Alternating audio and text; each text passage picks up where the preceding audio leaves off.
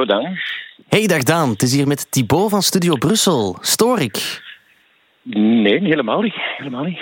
Daan, een vraagje. Ik ben bezig met de podcast Thank You Boomer. En iets zegt mij dat jij ook een hele grote fan bent van een zogezegd tijdloze artiest, Serge Gainsbourg. Klopt dat? Hm. Uh, dat klopt helemaal. Dat klopt. En, Ik wist niet dat ik een boomer was, maar uh, oké, okay, is goed. zeg, en hoe een grote fan ben jij juist? Um, wat, wat is jouw schaal? Van 1 tot 5? Uh, 5. Oké, okay, oké, super. En wat maakt Serge Gainsbourg voor jou zo tijdloos? Oh, ik mis hem gewoon. Allee, het is een genie. Uh, het is een genie en een stout man, maar een geniaal man. Een super tekstschrijver, super muziekmaker en, en een super warm, lief, uh, intelligent figuur. Uh, ik wou dat iedereen Gainsbourg was eigenlijk. Thank you, Boomer.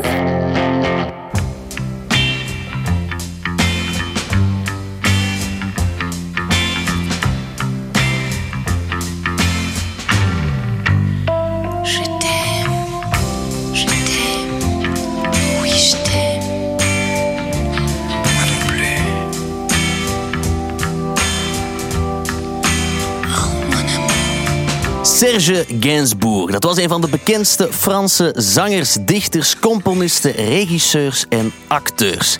Hij werd geboren als Lucien Ginsburg in een Joods-Oekraïns gezin dat zelfs moest onderduiken tijdens de Tweede Wereldoorlog. Maar hij werd de man die van de jaren 60 tot eind jaren 80 de Franse muziekscène helemaal domineerde.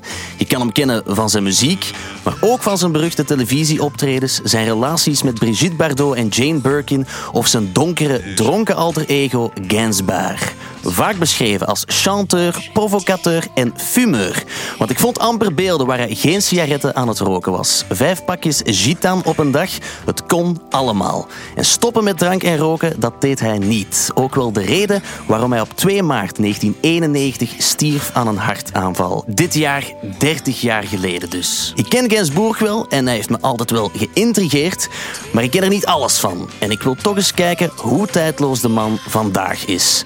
Daarom heb ik hier bij mij een superfan, een artiest en muzikant die zijn liefde en bewondering voor Gainsbourg al meerdere keren heeft laten zien. Iemand waar ik heel blij om ben dat ik hem hier mag ontvangen. Dag Daan. Dag Thibaut. Hoe gaat het met jou? uh, goed, gezien de omstandigheden. Uh, um, ja, gewoon proberen mentaal en gezond te blijven in deze rare tijden. Maar dat lukt, dat lukt. En binnenkort is het terug op het podium staan, heb ik begrepen. Ja, nog even die vierde golf laten voorbij gaan. en, dan, uh, en dan back to the real thing. Oké. Okay. We gaan nu ook naar the real thing, naar Serge Gainsbourg. Je bent een fan. Mogen we jou een grote fan noemen? Ja, toch? Discipel. Een discipel, oké. Okay. Ja, ga, ga, ja ga, ik, ik, heb nooit... Ik ben een autodidact, dus dan moet je op zoek gaan naar mensen waar je heel veel van kunt leren. Niet noodzakelijk leraars en niet noodzakelijk op de schoolbanken.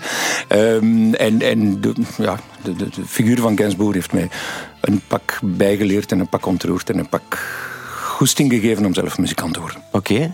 Als je nu muziek maakt, denk je dan nog altijd aan Gainsbourg? Uh, ja, ja. Ja, gewoon om, omdat bij Gainsbourg zijn er niet echt regels, zolang het, zolang het werkt, zolang het pakt. Um, het is ook zo'n brede artiest. Hij heeft gewoon duizend stijlen gedaan. Um, ja, nee, er, er, zijn heel veel verschillende redenen om van Gainsbourg te houden. Oké, okay, oké. Okay. Ik ken hem zelf dus ook al wel een tijdje. Het is niet dat ik um, het slechte muziek vind of zo. Maar bij mij was het startpunt misschien de film Gainsbourg Vie Heroïque uit 2010. Die heb ik toen heel toevallig gezien in een studio toen ik zelf muziek aan het maken was. En we hebben toen heel spontaan een kaas- en wijnavond georganiseerd tussen rookwalmen door. Um, ik ben geïntrigeerd, maar ik denk toch ik ken er niet genoeg van. En daarom ben ik eens benieuwd of jij mij en de luisteraar duidelijk kan maken hoe tijdloos Serge Gainsbourg is. We gaan het dus hebben over zijn werk, zijn leven als artiest, de lyrics, de live shows. Maar beginnen doen we met jouw favoriete. En jouw favoriete nummer, dat kennen we denk ik toch wel allemaal. Bonnie en Clyde.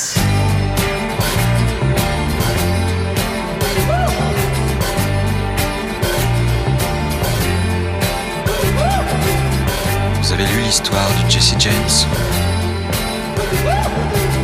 Comment il vécut Comment il est mort Vertel, waarom dit nummer?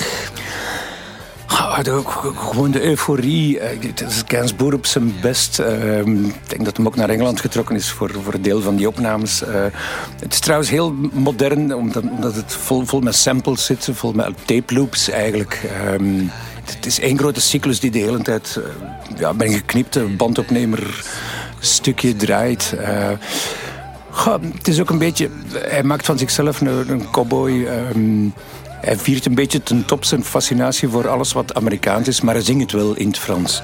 Met een, een, een Franse Bonnie en Clyde. Um, met Brigitte Bardot. Dus ja, goh, hm. Maar het is ook gewoon te mooi. Het, is een bepaalde euforie die de enkel eind jaren 60 kon, die de een paar jaar later al niet meer van toepassing was. Het is ook een verheerlijking van, van zijn eigen gangsterstatuut. Alleen van zijn eigen bad boy uh, gehalte. Um, en wat kunnen we dan beter doen van dat te glorifiëren in een eigen compositie en een, en een eigen hit? Het nummer heeft blijkbaar ook wel een, een link met je eigen werk. Um, goh, ja, dat, dat, soort nummers inspireert mij, mijzelf altijd. Uh, wanneer ik die single um, Everglades uh, uitbracht, dan was dat eigenlijk een behoorlijke knipoog uh, naar, um, ja, naar, naar Bonnie en Clyde toe. Gewoon violen die compleet in extase gaan. en dan die ritmische... Ah, oké, oké, oké. Wat in mijn geval gewoon mijn... mijn wat moet ik zeggen, met een ventilator was die in de studio stond. Omdat het warm was. Gewoon met mijn nagels zo. Oh, maar ja, kijk, dat zijn ook de goede instrumenten die dat je dan ter beschikking hebt natuurlijk. Voilà. Ja, dat is ook iets wat Gainsbourg de hele tijd he, zo onorthodoxe geluiden en, en, en, vreemde klanken proberen te zoeken. En ook de mix van verschillende dingen die er niet... Zo wat past er niet in dit rijtje. Ja. Qua instrumentarium. Oké. Okay. Heb, heb, je vaker naar Gainsbourg geluisterd wanneer je zelf met muziek bezig was? Als, als ik zelf met muziek bezig ben, dan is het verboden om naar andermans muziek te luisteren. Okay. Ik heb ook de vreemde regel, uh, er mag eigenlijk geen muziek van iemand anders in mijn studio afgespeeld worden. Oké. Okay. Ook niet als mensen binnenkomen zo van, wauw, we hebben deze al gehoord. Dan zeg ik, oké, dan gaan we naar de living en dan kunnen we daar luisteren. Maar... maar mijn, mijn studio is onbevlekt. Oké, oké, oké. Daar mag geen YouTube op staan, geen Spotify, niks. Daar, daar komt geen andere muziek door mijn boxen. Die zijn, die zijn maagdelijk. ja. Maar de inspiratie of de, de, de invloed van Gainsbourg is hier toch wel te horen dan? Uh, ja, ja, ja, absoluut. Een soort, soort warme extase. Een, een, een man die verdrinkt in zijn eigen euforische trip met, met al zijn onhebbelijkheden, dat vind ik wel een mooi uitgangspunt. Oké, okay, supergoed, supergoed. Ik heb jou ook gevraagd naar een favoriet album en toen heb je geantwoord Histoire de Melodie Nelson uit 1971. Ça, c'est l'histoire de Melodie Nelson. Qu'à part moi-même, personne conceptalbum waarin symfonie en rock elkaar ontmoeten. Het zou gaan over Gainsbourg die met zijn Rolls Royce een minderjarig meisje met de naam Melody Nelson van de fiets rijdt. Een soort van romance, geïnspireerd ook op het boek Lolita van Nabokov. Waarom dit album? Oh, bij, bij elke muzikant gaat u dit antwoorden. Het is een cliché antwoord. Maar het is muzikaal zo mooi, omdat het heel... Hmm, heel de manier van mixen, van, van, van instrumentarium van, en vooral van arrangementen door, doorheen haalt. Ik denk dat Gainsbourg heeft dat ook gedaan, geregisseerd en, en, films meegespeeld en zo. Hmm, dat hij ook wel jaloers was op, op mensen die films konden maken. Ik ben dat ook. Maar dat is, ik weet niet, overmoeid en je hebt er veel geld voor nodig. en goede acteurs. En Gainsbourg kon vooral heel goed zichzelf spelen. Mm-hmm. Um, maar, maar, maar gewoon de, de, de, soundscape van, van dat album is, is zo ongelooflijk. Uh, het, is, het is heel vreemd. Alles is droog. De gitaren zijn, zijn heel kapot en distorted. Um, de stem is kurkdroog en vertellend. De drums en de bassen. De bassen zijn ongelooflijk. Ik heb al mijn andere bassen opzij gezet toen ik dit soort bassen hoorde. Um, ik ben niet de enige, ook niet. maar, um, en dan krijg je daar ineens zo'n symfonisch orkest. Ja. De uh, arrangementen van uh, Jean-Claude Vanier. Waarvan ik het geluk heb hem te ontmoeten in Parijs. Oké. Okay. Een heel ambetant Noors man. op, op zijn Parijs dus. Oké, okay, oké. Okay. Maar er waren toch fijne babbels over, over hoe hij dat gedaan had en zo. Ehm, het, is, het is gewoon een totaal andere benadering van, van hoe dat je muziek in elkaar steekt. hè. Ik hoorde zo eh, dingen, Little Sims, eh, een paar dagen geleden. ehm, en gewoon alle hun nummers eigenlijk. Hè.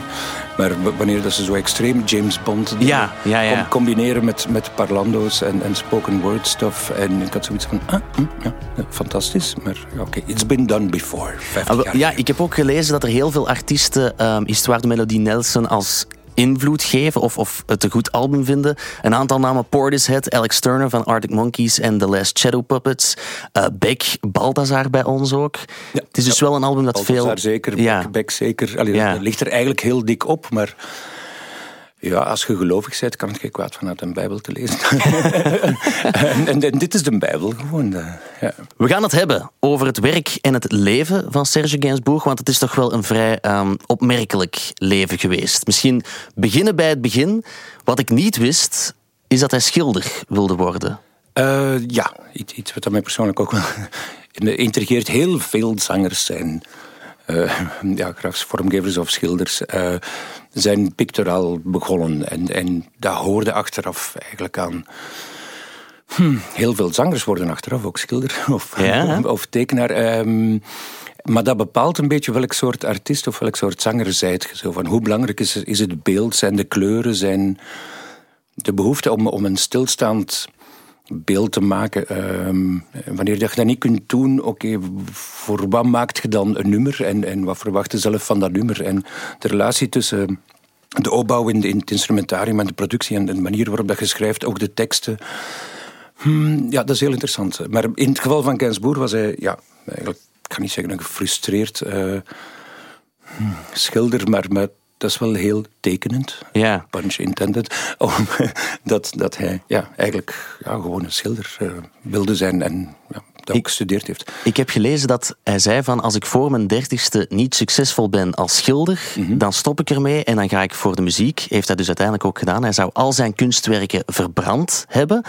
Maar later in zijn carrière, ik heb een stukje gevonden uit een interview in 1986, eh, is hij op televisie en heeft hij een discussie met Guy Béard, ook een muzikant, omdat hij zegt dat liedjes een aar mineur zijn en schilderen, architectuur en klassieke muziek, dat is een aar majeur. En quoi est-ce que c'est mineur une chanson? Ça rencontre Oui, c'est gens? mineur. C'est Mais mineur non, il n'y a rien de être- mineur. Tu, Parce que Si, si, parce si que tu rates la peinture, tu n'as pas besoin d'initiation mais tu as besoin pour la de- chanson. Oh. Tu as besoin d'initiation pour, la peint- pour les arts majeurs.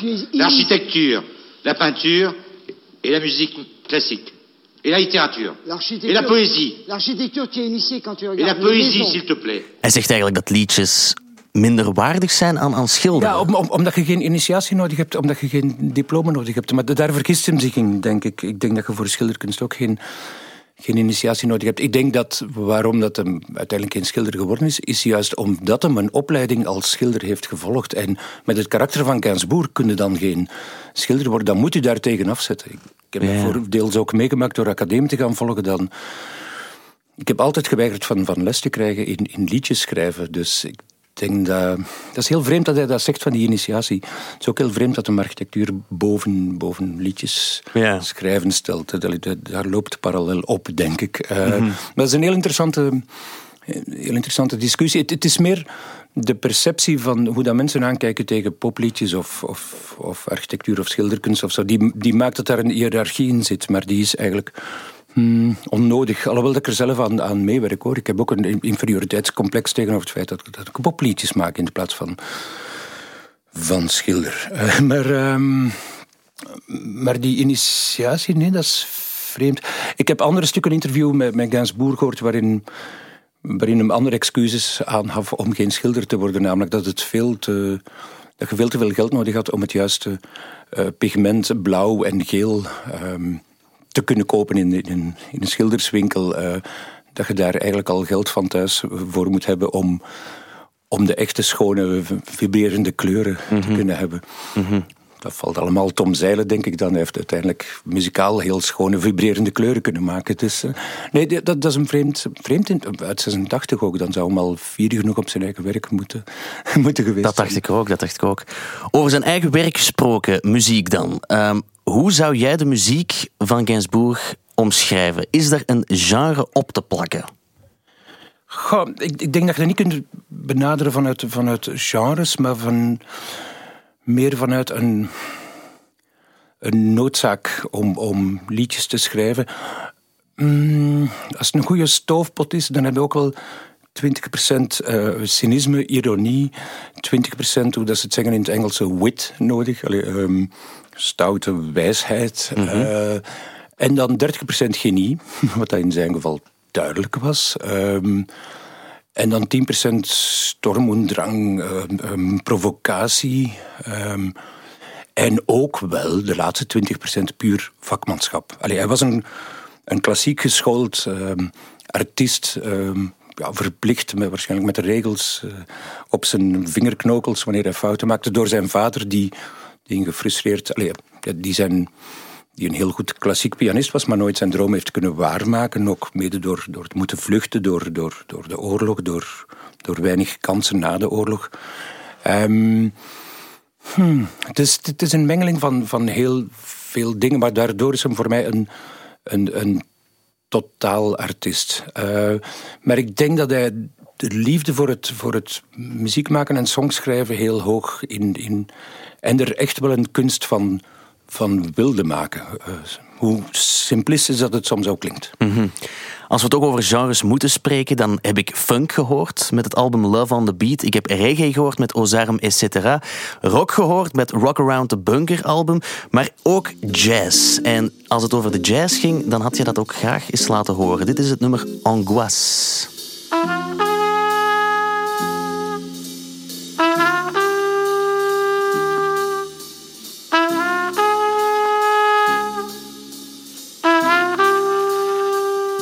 Het is voor de film L'eau à la bouche.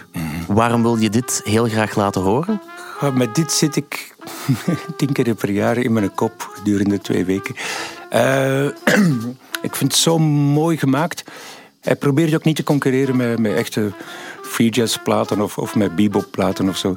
Het is zijn simpele, allee, ogenschijnlijk simpele lectuur van, van hoe dat jazzmuziek kan zijn. Maar het zegt veel over zijn personage. Nou, deze komt allemaal uit het pril stadium, zijn eerste jaren van zijn carrière.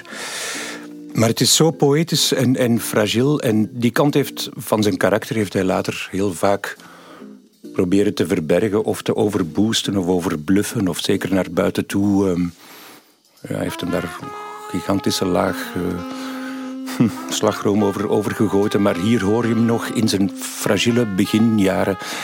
Ook zonder dat hij zingt. En ik vind dat je uit die instrumentale dingen die hij in die beginjaren heeft gemaakt, heel hard zijn, zijn genie kunt, eh, kunt afleiden. Wat ik ook niet wist, is dat hij heel veel muziek geschreven heeft voor andere artiesten, zoals bijvoorbeeld voor Frans Gal. Toen nog een piepjong meisje dat het Eurovisie Songfestival won met een nummer geschreven door Gainsbourg, Poupée de cire, Poupée de son.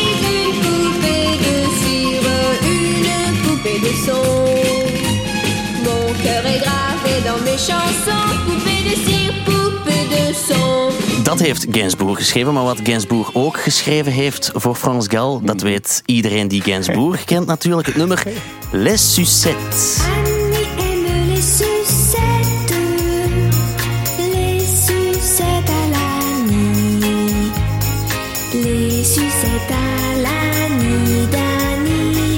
Een nummer uit 1966, vertaald naar het Nederlands De Lollies of de Lekstokken. Daar hangt een, een verhaal aan vast.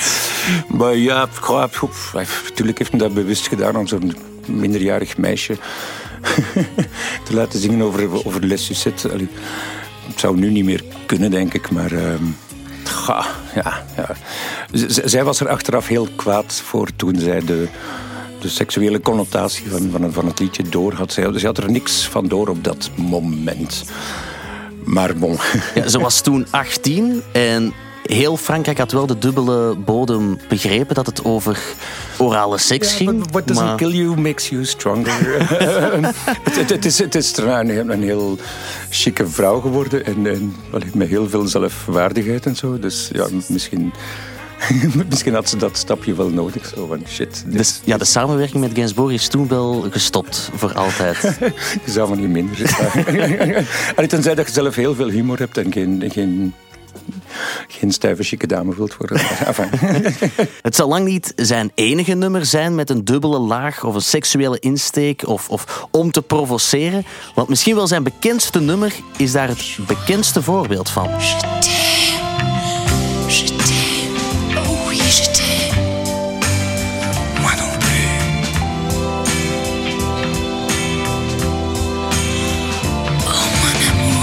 Je t'aime, moi non plus. Hier met Jane Birkin. Hij heeft het wel eerder ook opgenomen met Brigitte Bardot in Ja, ook een 1967. schok, Ja, ja. Ja. klopt. Dat was een, een wereldschok, dit nummer. In de mate dat mocht gespeeld worden. Ik denk hier op de BRT mocht niet, eh, niet gespeeld worden. Allee, pas later. Ehm, ja, maar, maar eigenlijk... Maar eigenlijk, de aandacht gaat vooral naar mensen, naar het gekreun en het geheig. Terwijl het geniale en, en het subtiele in, in de titel zit, Je t'aime moi non plus. Ja, wel, wat een heel sterke boodschap is. En, en, en daar kun je boeken over schrijven en films over maken. Eerder dan over het gekreun en het geheig, later, later in het nummer. Hmm, dus, dus ook daar werkte hem weer in twee, drie lagen. Een, een simpele laag, een, een, een, een, ja, een tweede chicere laag. En dan een derde z- zichzelf in vraag stellende laag. Waarin hem weer vlucht of, allee, of ja, op een bepaalde manier naar vrouwen kijkt. En er dan toch weer van vlucht. eh, Het is wel een, een ware revolutie geweest. Het was, het was denk ik het eerste nummer ooit dat expliciet seks suggereerde. Nu is het allemaal eh, met seks en halfnaakte mensen op een podium. Hoe revolutionair is Gainsbourg toen geweest met dit nummer, volgens jou? Ja, ik denk dat hij vooral een soort van paard van Troje. Dat hij. Hmm, dat hem zo- zo'n chique monsieur was. En zo- vooral qua, qua muziek en arrangement. Allee, deze muziek is heel, heel mooi. Hè? En geassocieerd helemaal niet met seks. Allee, dan eind jaren zeventig krijg je een pak ja, horny stuff. Maar die is allemaal zwart en funky of gay. Ehm, terwijl hier zit hij op hoofdse muziek rare dingen te doen. Hij heeft, heeft meer een groot Malkovich-gehalte dan, dan iets anders. Dus... Mm, dus ik denk dat hem wel langs een hele vreemde kant is binnengekomen. De, Allee, ja, dat vergeten wij, dat dat, dat dat eigenlijk keischoon muziek is ondertussen. Ja, ja. Het is keischoon opgenomen en keischoon gespeeld, maar hij, doet- hij doet bijna zijn eigen goh, productiewerk teniet door zoiets... Ja, hij, hij wist dat op voorhand wel dat dat het zo ging geïnterpreteerd worden. Maar dat vind ik wel intrigerend van... Mhm. Ik heb jou ook gevraagd naar het meest carrière-definiërende werk volgens jou. En dat is ook weer een nummer dat toch wel ja, een, een groot schandaal veroorzaakte.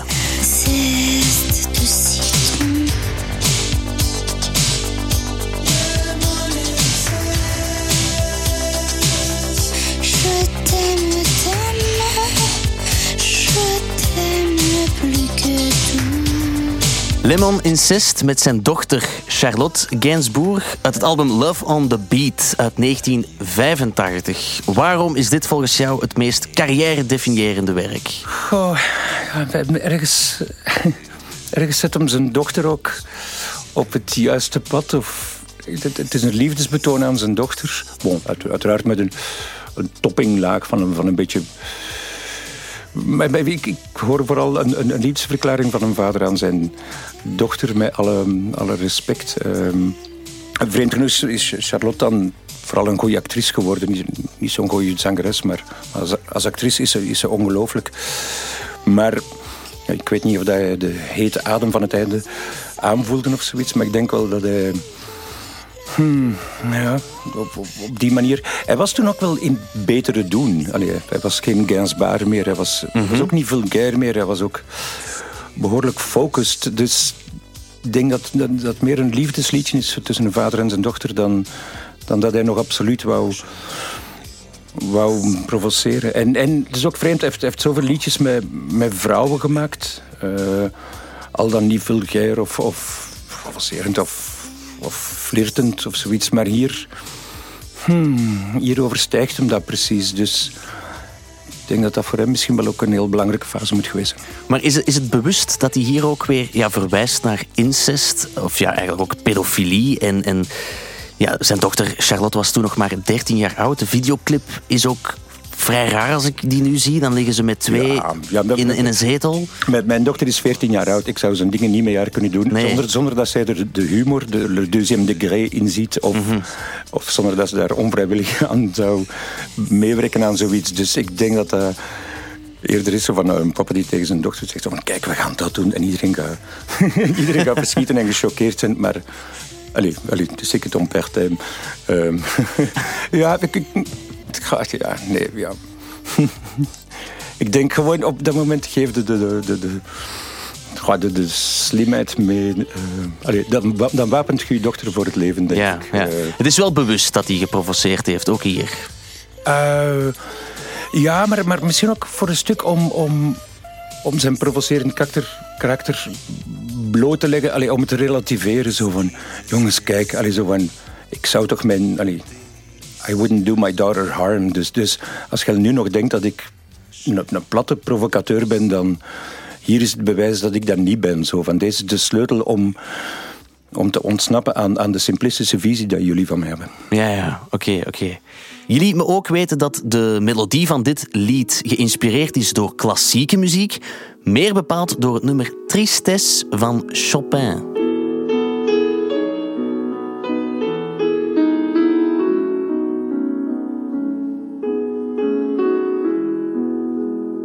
Ja, supermooi. Ja, ongelooflijk. Klassieke muziek, hoe belangrijk was die voor Gainsbourg? Ehm, goh, daar, daar kwam hem uit. Hè. Dus, dus veel van zijn composities heeft hij moeten onderacteren tegenover wat hem met zijn, met zijn handen en, en met zijn grote oren kon. Ehm, ik denk niet dat hij het verder moest gaan zoeken dan, dan wat hij al kon. eh. en eigenlijk als je dan muziek die hem waarschijnlijk van zijn vader geleerd heeft, gebruikt om een liedje met uw dochter te spelen, dan, dan op een gegeven moment geeft je dan de generaties ook wel een beetje door. Of zit daar nog een soort van twisted familiaal respect in, denk ik.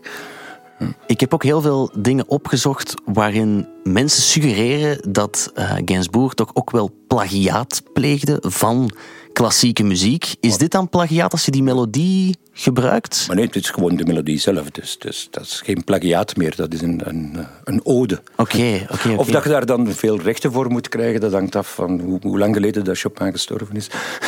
maar maar dat, dat, dat is geen plagiaat meer, dat is, dat is een regelrechte ode eigenlijk. De, ja. Mhm. Ik heb het eens opgezocht en hij heeft het nog wel vaker gedaan. Bijvoorbeeld in het nummer Initiaal BB voor Brigitte Bardot. eh, waarin je ook de Tsjechische componist Dvorak hoort. Hopelijk spreek ik dat juist uit.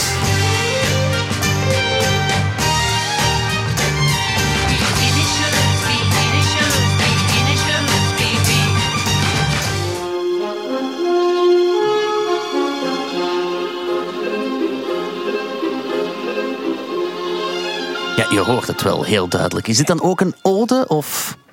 Ja, ja, ja, ja. voor mij wel, ja. Als, je, de- als je de gemiddelde Coldplay gaat beluisteren of zo. Heel veel mooie dingen zijn al ooit, ooit gedaan. Ja, sowieso, sowieso. Er zijn nog veel zotte momenten geweest in zijn leven. Bijvoorbeeld ook met het nummer en het album Aux Armes, etc. uit 1979. Heel concreet weer een schandaal op het konto van Gainsbourg, omdat het een, een soort van parodie zou zijn op de Marseillaise, het Franse volkslied. Want hij heeft het in een reggae-jasje gestoken.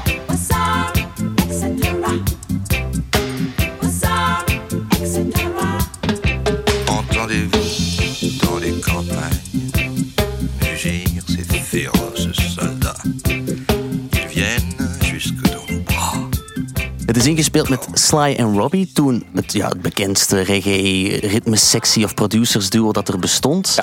Ehm, maar het heeft heel wat ja, commotie veroorzaakt, want rechtse veteranen uit Frankrijk die wilden hem toch eens een serieuze joef geven. Ja, terwijl men waarschijnlijk het volkslied... eh, het was de grootste reclame of de grootste pimp van, van het volkslied dat men toen heeft kunnen doen. Jimi Hendrix heeft dat ook gedaan met, met, Ja. met Star Spangled Banner. Eh, ja, eigenlijk, eigenlijk is dat nog gewoon een reclamestunt voor het volkslied. Dus, dus iedereen had daar content mee moeten zijn. En achteraf gezien allee, werkt het ook eh, zo, denk ik. Ja, hij heeft later ook het, het originele manuscript van La Marseillaise gekocht. om aan te tonen van, ja, kijk, mijn reggae-versie ligt wel heel dicht bij het origineel. Maar er was wat commotie rond et cetera. Dat kon, er, dat kon er niet in staan of zoiets. En blijkbaar staat het in een or- origineel manus- manuscript. Staat het ook, Ah, et cetera. Ja, oké, fantastisch. blijkbaar toch. Ja. Wat vind je van, eh, van, van de reggae-versie van La Marseillaise? Mm, Ik ben een zware fan van, van Sly en Robbie, maar, maar ik vind die reggae-platen van, van Gainsbourg niet de meest eh, interessante. Mhm. Eh, dan gaat de meer de ja, periode ervoor of de periode erna laten luisteren.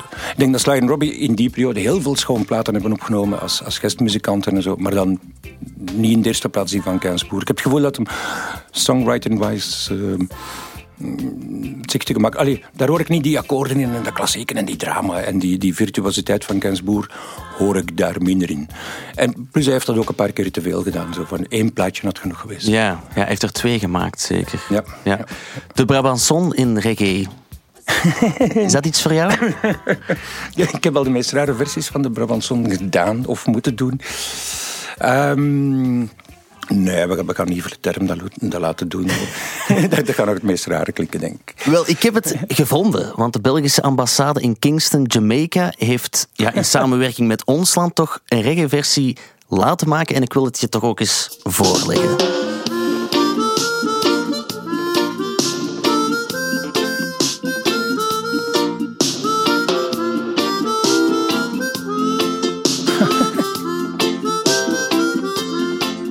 Wat vind je daarvan? Schoon, schoon, schoon, schoon. Het is wel apart natuurlijk. ja, nee, te, te gek, te gek. Wauw. Nee, knap.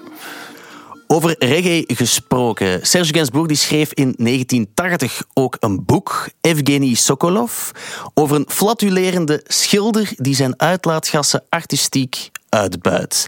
En voor zijn tweede reggae-album, Mauvaise Nouvelle des Étoiles, vroeg hij Sly en Robbie ook om dat nummer dat hij ervoor gemaakt had ook in een reggae-jasje te steken. En ja, ik, ik vond het opmerkelijk.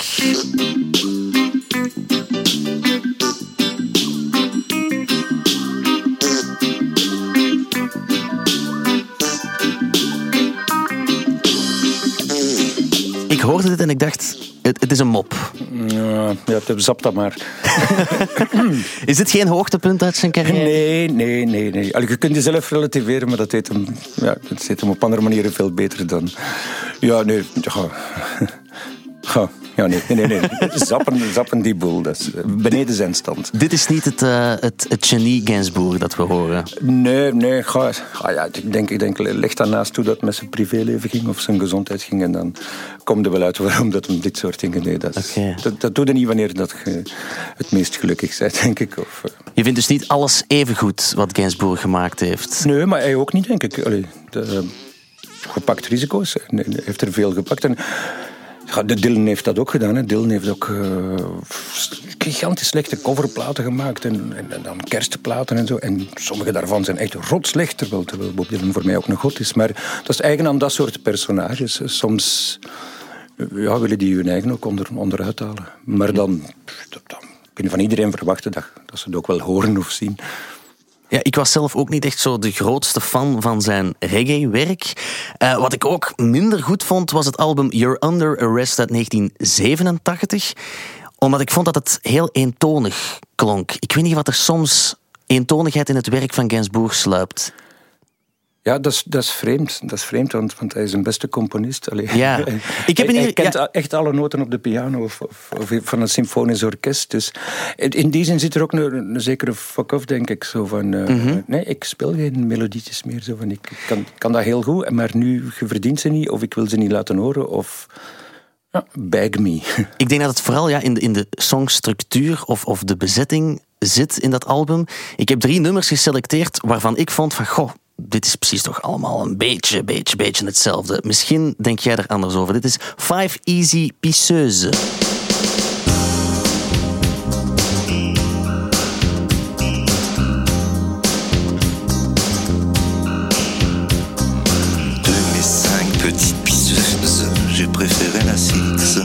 Iets verder op dat album heb je dan het nummer Shotgun.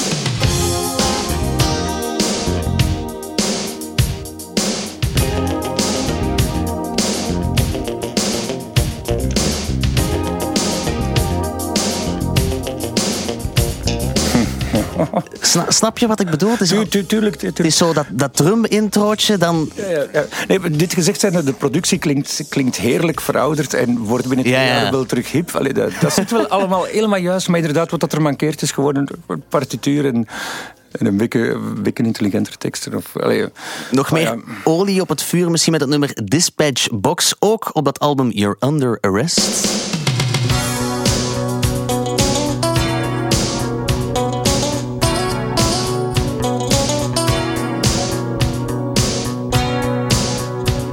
Misschien makkelijk gezegd, maar de, de intro's van die nummers zijn toch allemaal heel gelijkaardig. Ja, in die jaren konden beter met dezelfde sessiemuzikanten naar, naar Frans Gal eh switchen even twee jaar lang totdat, totdat Gainsbourg terug, terug liedjes begon te schrijven.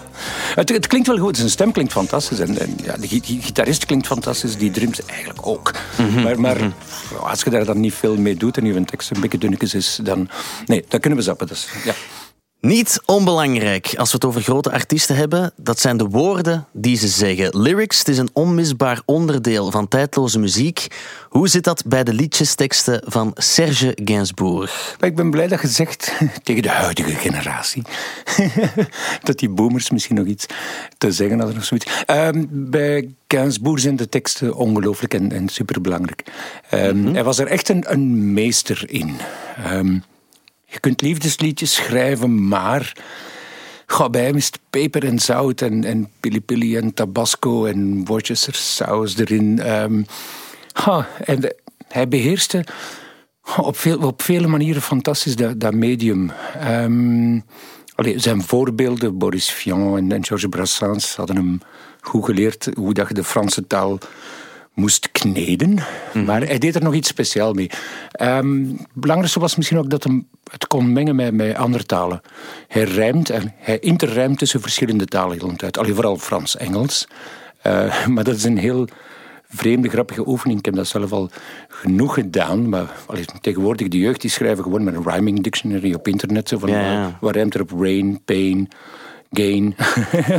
maar bij Gainsbourg is dat heel een tijd... Oké, dan kunnen we switchen naar, naar het Frans, naar het Engels. eh, en daar heel vreemde knutselwerkjes van maken. Ook het verschil tussen emoties. Hij switcht heel een tijd tussen echt diepe, ware emoties naar pure word games. ehm, maar in hetzelfde nummer. En, en dat is ook wel mooi om dat te kunnen doen. Dan krijgen mensen adempauzes eh, binnen de muziek. Allee, Stromae doet dat ook fantastisch. Ehm, van heel vreemde woorden te laten rijmen of, of gevoelens, allee, diepe gevoelens te mengen met banale, agressieve, ja, totaal andere gevoelens. Zo. En dat, is, dat is heel fascinerend. En ook, wat dat je ook moet kunnen is... Op, hm, alle rappers weten dat, of, of slammers weten dat, dat je muziek ritmisch klopt, dat elk woordje eindigt op de juiste klinker of medeklinker. En bij hem was dat, als hij attack zegt, dat, dat was een woord dat moest eindigen op k. Eh, dat, lijkt normaal, maar hij was daar wel echt super virtuoos in. Mhm.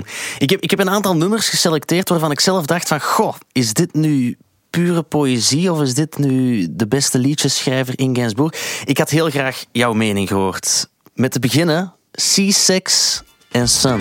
See, sex and sun. Le soleil au zénith. Oké, iedereen herinnert zich dat, iedereen kent dat. Ja? Dus wel zijn relevantie, denk ik. Gewoon de drie S'en en, en, en de, simpel, de en de simpliciteit ervan. Maar geef nu toe, als je zelf op een Frans strand eh, ligt met warm weer, dat je eraan moet denken. Dus ga in, zijn, in en zijn simpliciteit heeft het misschien wel...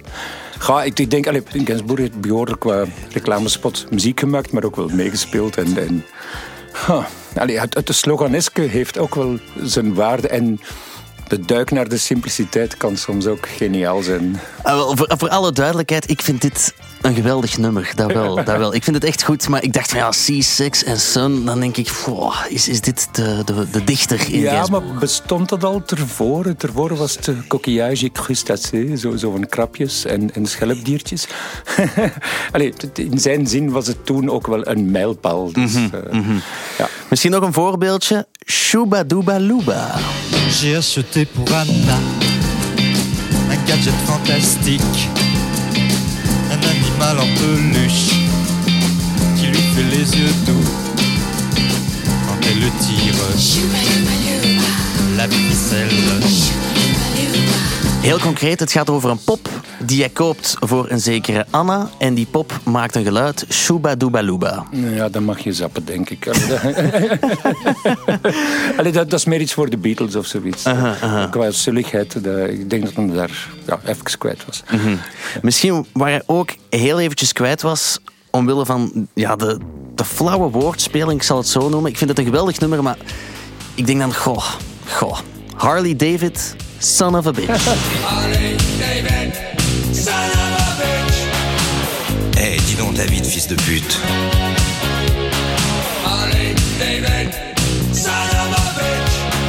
Nou ja, dan, dan- dan is hem onderweg naar Gainsbourg, de, de, de vulgaire versie van hemzelf. Eh allee, ook dat een vis de Piet zegt, dat zou een paar jaar geleden, allee, een paar jaar daarvoor nooit gezegd hebben. Zo van, dan, dan voel je me een beetje ja, afglijden naar hmm, ja, naar minder finesse en, en gewoon met modder gooien. Of, of ja, ik, ik moet krachtiger woorden gebruiken. Gewoon ondertussen ja, veranderde de muziek zijn en ook. En, en op een gegeven moment in de jaren 70 moet opboksen tegen, tegen, tegen, tegen de punk zijn of zoiets. Maar dan is God Save the Queen subtieler dan, dan Ja, Harley Davidson, son of a ja. bitch, vies de put. eh, ja, nee, dan, allee, dan, Wat doe je op mijn Harley Davidson? Ik heb enkel andere Duitse motoren. Dus, ik weet wat ik daarop doe. Maar, Ik heb jou ook gevraagd naar jouw favoriete tekst van Gainsbourg. En dat was Le Poinçonneur des Lilas. Je suis le poinçonneur des lilas, le gars qu'on croise et qu'on ne regarde pas. Y a pas de soleil sous la terre, drôle de croisière. Pour tuer l'ennui, j'ai dans ma veste les extraits du Reader Digest. Over wat gaat het? Ehm, over een man die een alledaagse job heeft, waarvoor hij niet wordt gewaardeerd, namelijk eh, het knippen van kaartjes. Toen in de Parijse metro waren dat eh, paarse, paarse kaartjes. Donc, eh, poinçonneur de lilas wil zeggen, het, ja, degene die gaatjes maakt in kleine paarse kaartjes. eh sous, le, sous la terre, il n'y a pas de soleil. Allee, op, op- in de ondergrondse schijnt de zon nooit. eh, je que personne regarde. Eh, niemand bekijkt mij ooit. Ik knip gewoon die kaartjes. Ehm, dat is, dat is eigenlijk zijn doorbraaknummer, denk ik, hè, destijds. Eh, waardoor hij uit een heel groot minderwaardigheidscomplex met iets heel superieurs komt. Ehm, daarmee vind ik die tekst ook magnifiek. En eigenlijk is hij ook een beetje het schatplichtig in dit nummer aan, aan zijn voorbeelden. Allee, Georges Brassens en, en Boris Vian, die die kunst ook beheerste om slachtoffers van de maatschappij te spelen, maar dan op een heel poëtische manier. Er is een nummer van, van Georges Brassens, ehm Je suis un pauvre fossoyeur, over een, hoe zeg je dat, lijkgraver? Ehm, Een grafdelver? een grafdelver, Ja. dank u. Ik heb, het- ik heb het erbij gezet. Ah, wauw. Dieu sait que je n'ai pas le fond méchant. Je ne souhaite jamais la mort des gens. Mais si l'on ne mourrait plus, je crèverais de faim sur mon talus. Je suis un pauvre fossoyeur. Ik denk dat Gainsbourg met zijn, met zijn eerste single toch even zei zo van... Ik kom van... ja, zo van... eh, merci les gars om mij het voorbeeld getoond te hebben. Zoals als Stromae dat vaak doet met, met Brel of met, met zijn voorbeelden. Eh, als je begint, en zeker als je heel straf begint... dan, dan mogen je toch wel een knipoog maken naar, naar uw voorbeelden. Eh, En ja, nee. En bij Gainsbourg is het zo mooi, die, die um, de Lila, dat hem vanuit een underdog-positie vertrekt. Wat dat sowieso cool is. Als je rock'n'roll status wilt hebben, dan moeten ze gezegd street credibility hebben. En, dus ik denk dat Gainsbourg ook wel wist van, oké, als ik nu met een heel virtuoos gespeeld nummer... eh, toch een beetje street credibility heb. Zo van, ik kom net uit eh, de metro, waar, waar dat mijn dagdagelijkse job is. Ja, nou, je weet dan wel wat dat je doet, denk ik. Als we het hebben over een tijdloze artiest, moeten we ook kijken naar de live presences van die artiest. Eens kijken hoe dat zat bij Gainsbourg. Jij hebt gekozen voor een optreden uit 1966. Een interview voor het programma Discorama met Denise Glazer. J'avais envie de dire des choses dans un livre, je voudrais savoir quoi? Oh, euh, des choses sur les femmes. Ah, mais encore. Expérience personnelle. Déception personnelle et puis. euh, idéal personnel. Très, très compliqué.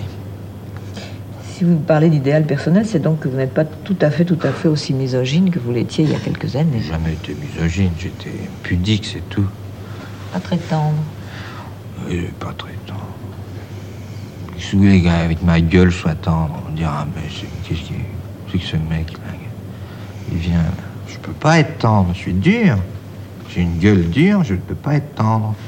Je suis tendre en privé, pas devant les gens. Ja, mijn Google Translate heeft overuren gedraaid de afgelopen dagen. Ja. Maar wat wordt er in het interview gezegd? Goh, hij, hij, hij zit en face van een vrouw, een journaliste, allee, die Denise, waar hem duidelijk ongelooflijk veel respect voor heeft. En die hem ook jarenlang gevolgd heeft en telkens geïnterviewd heeft. En die interviews zijn allemaal anders. Hij valt helemaal uit zijn rol. Je krijgt de indruk dat hem die vrouw heel graag ziet. Dus die vrouw vraagt dan zo van, oké, wat voor boek zou je schrijven? Over wat zou je een boek gaan dat jij zou schrijven? En dan zegt hij direct over de vrouwen. En dan overal mijn, de dingen waarin ik gefaald heb en alle dingen die, die me bezighoudt over mijn idealen. En waarop zij direct verder graaft van, ja maar wacht, wacht, wacht. Je bent dan niet zo misogyne, je bent geen een vrouwenhater. eh. Maar eigenlijk, eigenlijk is ze maar helemaal aan het, aan het versieren, maar, maar niet op een vulgaire manier. Maar toont hem eigenlijk al zijn, al zijn respect voor haar. En hij valt ik, voor mij niet door de mand, omdat, omdat je in veel liedjes hoort je dat respect ook wel, of die liefde ook wel. Ehm, maar je ziet hem eigenlijk smelten gelijk, een brie in, in, in de Zuid-Franse zon. Ehm, en, en hij worstelt nog een beetje tegen, maar eigenlijk ook niet helemaal. Je hoort dat ook aan, aan, zijn fragiele praattaal. Dus ik denk dat hij een immens respect had voor vrouwen ook, maar maar extreem verlegen was. Dus, dus dan maar de kaart koos van... dan ga ik doen alsof ik ermee speel. Alsof ik er, eh, of dan ga ik de vulgariteit opzoeken of zo. Maar het mooie is aan dit soort interviews... is dat je hoort dat hem eigenlijk eh, liefde had en liefde zocht. Mhm. Ja, dit is 1966, toch wel nog het begin van zijn grote carrière. De naam is al een paar keer gevallen. Gainsbourg, dat is dan zijn dronken, donkere alter ego dat hij zelf gecreëerd heeft, maar soms ook wel een beetje in bleef hangen, denk ik. Ik heb heel veel interviews gezien waar hij minder teder of, of verlegen was. Zoals bijvoorbeeld een heel bekend fragment eh, uit een interview, eh, of, een, of een talkshow liever, waar Whitney Houston ook te gast was in 1986. En ja, toen kwam er dit uit. Il says you are great. Il dit que vous êtes très jolie. C'est ça en gros ce que tu veux lui dire. Nah. Oui. You are not Reagan. I'm not Gorba- Gorbachev. So don't try, eh? I said I want to fuck her. Oui, euh, alors je vais, vous- je vais vous traduire. Non, non, non, non, non. non. Il say you are great. Il dit que vous êtes très jolie. Non, non, non, non, non, non, non, non. C'est, c'est... Non, non, il a dit ça, mais ça lui arrive de temps en temps. Rien. Dat is dan natuurlijk wel het tegenovergestelde van het interview daarnet. Ja, compleet tegenovergesteld. Moest hem nu nog gezegd I want to fuck you, dan, ja, dat is nog iets anders. Maar gewoon tegen een andere man zeggen, I want to fuck her, dat is echt, how low can you get? Ja. Oh ja, hij bleef maar door provoceren. Maar, maar het is eigenlijk heel spijtig in heel zijn carrière dat dit soort dingen dan het, het meeste onthouden worden. Of, of dat Gainsbourg zo wordt ge- geclasseerd als de man die een briefje van 500 frank in mm stak. Of, of tegen Whitney Houston. Nee, niet tegen Whitney Houston. Tegen de presentator zei, I want to fuck her. Waartoe hem niet meer in staat zou geweest zijn op dat moment, denk ik. Ehm, los daarvan. Maar ja, ja dat, is, een- dat is een beetje spijtig allemaal. Had, Ja. had niet gemoeten. Want ik, ik, ik snapte de grens op een bepaald moment nimmer tussen de echte Gainsbourg en Gainsbourg, zijn, zijn dronken alter ego. Is die grens ooit verdwenen, mogen we dat zeggen? Heeft hij zich verloren in dat typetje dat hij zelf gecreëerd had? Ja, ik, denk het wel. Goh, wa- wa- waarschijnlijk, waarschijnlijk gebaseerd op, op, op zijn scheiding met, met Jane Birkin. Als, als je Gainsbourg begin jaren zeventig ziet, hoe gelukkig dat hij was. Er bestaan heel veel beelden van. Ehm, hm. En dan gaan die uiteen om ja, redenen... Enfin, los van alles. Maar je voelt ergens wel een gebroken hart. En als je dan zo'n fierheid of cynisme in je zitten hebt, wat doe je dan? Zo van, dan probeer je strijdbaar te blijven en dan... hm, in de plaats van daar gewoon toe te geven, zo van oké, ik heb het beste gehad en ik ben daar tristig om. Nee, dan, dan you fuck it up en, en dan worden agressiever en strijdbaarder en cynisch. En veel van die nummers uit die periode zijn dan ook cynisch. En dit interview is ook gewoon nou, eigenlijk puur vulgair platcynisme. Mhm, mhm. Zo vulgair in eh, een televisieoptreden. Kan dat anno 2021 nog? Kunnen we Gainsbourg nog plaatsen? Zou die nu nog overleven? Eh, ik, ik denk het niet. Ik merk ook wanneer ik televisieinterviews doe, of radio-interviews, of podcast, dat daar meestal een marge van 10 minuten op zit, zodanig dat dingen nog weggeknipt kunnen worden. Eh, nee, en, en het zou ook... Goh, de jeugd is ook veranderd. Jongens, jullie kunnen nog altijd terug. of vooruit.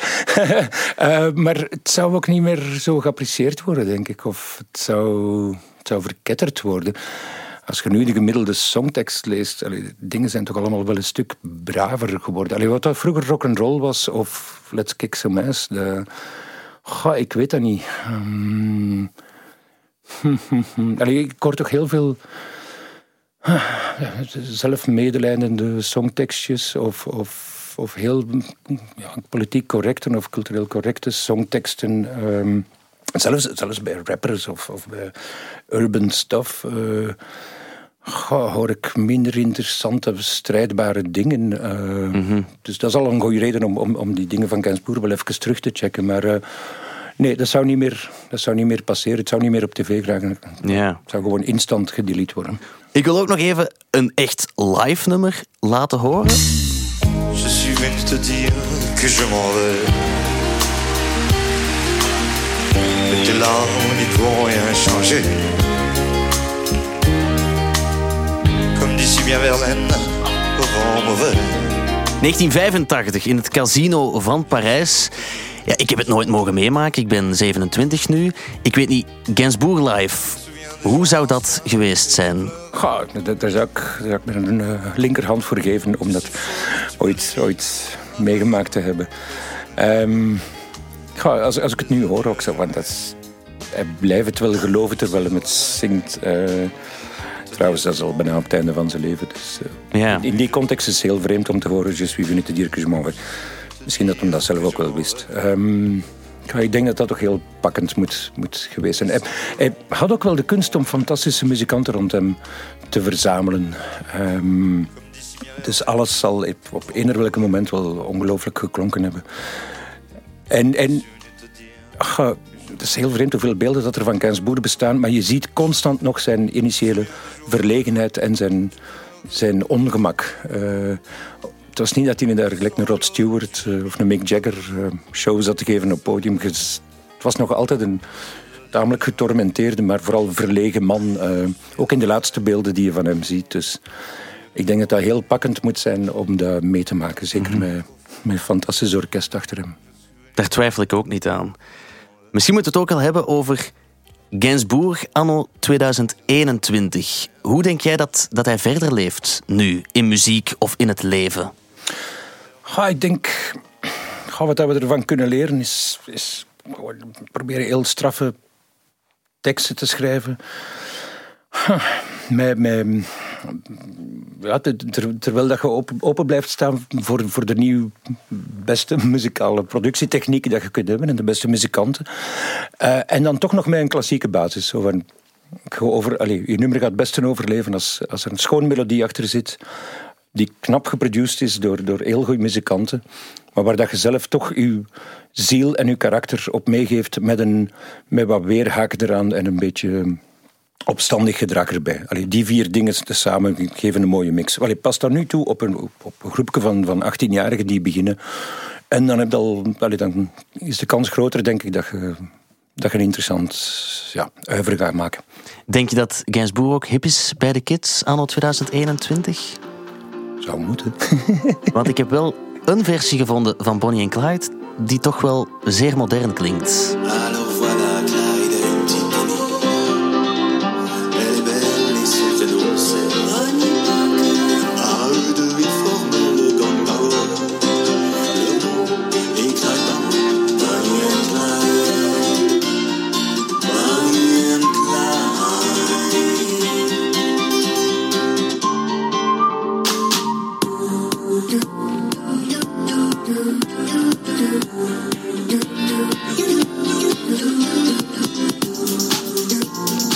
de French Accent Remix. Wat, wat denk je daarvan? Wauw, van? schoon, schoon, fris, fris.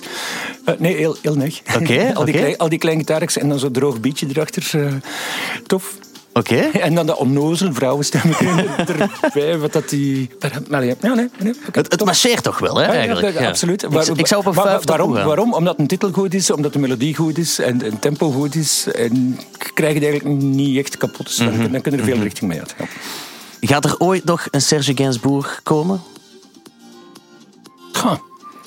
Ja, ja, zeker. Zeker, maar weet je wat dat moeilijke is?